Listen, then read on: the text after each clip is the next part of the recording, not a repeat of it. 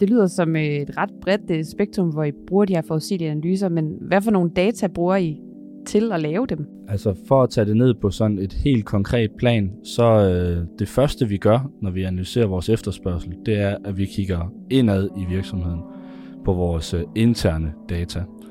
Her der er en øh, helt oplagt spiller vores historiske salg. Så i øh, Velux, der øh, sælger vi adskillige tusind vinduer om dagen, og øh, det er vigtigt, at vi, at vi sporer salget af de her vinduer. Og øh, ved at for eksempel sige, okay, hvor meget har vi solgt de sidste fem år, så kan man øh, helt simpelt sige, jamen, så kan vi i hvert fald have en idé om, hvordan kommer det så til at gå i det sjette år. Og der er jo forskellige øh, metoder, man kan anvende i forhold til at, at vores vægte, hvad kan man sige, årene på det historiske salg.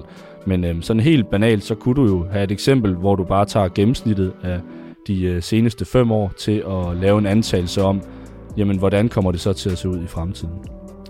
Oven i det, så øh, har vi en, øh, eller et stort analysearbejde, hvor vi også går ind og kigger på, hvad er det for nogle øh, tiltag, hvad er det for nogle øh, forhold, som påvirker vores salg.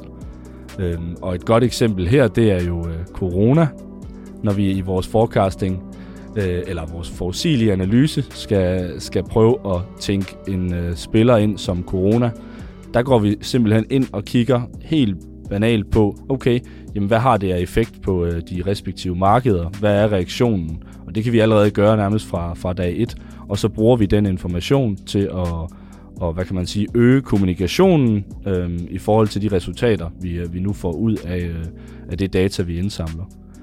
Man kan både kigge på den interne data, altså historisk salg, det, øh, det kunne også være øh, vores strategiske initiativer, altså kampagner og øh, vores vækstrater. Hvad er det nu, vi ønsker at slå på? Øh, er det bæredygtighed? Øh, er det øh, elektroniske produkter? Er det moderne teknologi? Men udover at kigge sådan indad i organisationen, øh, virksomheden, så kigger vi også øh, til dels udad på omverdenen.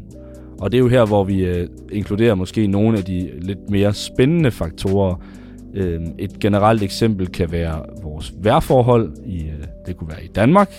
Når vi har godt vejr, som vi også ser det med is, så i Velux, der sælger vi rigtig mange mørklægningsgardiner.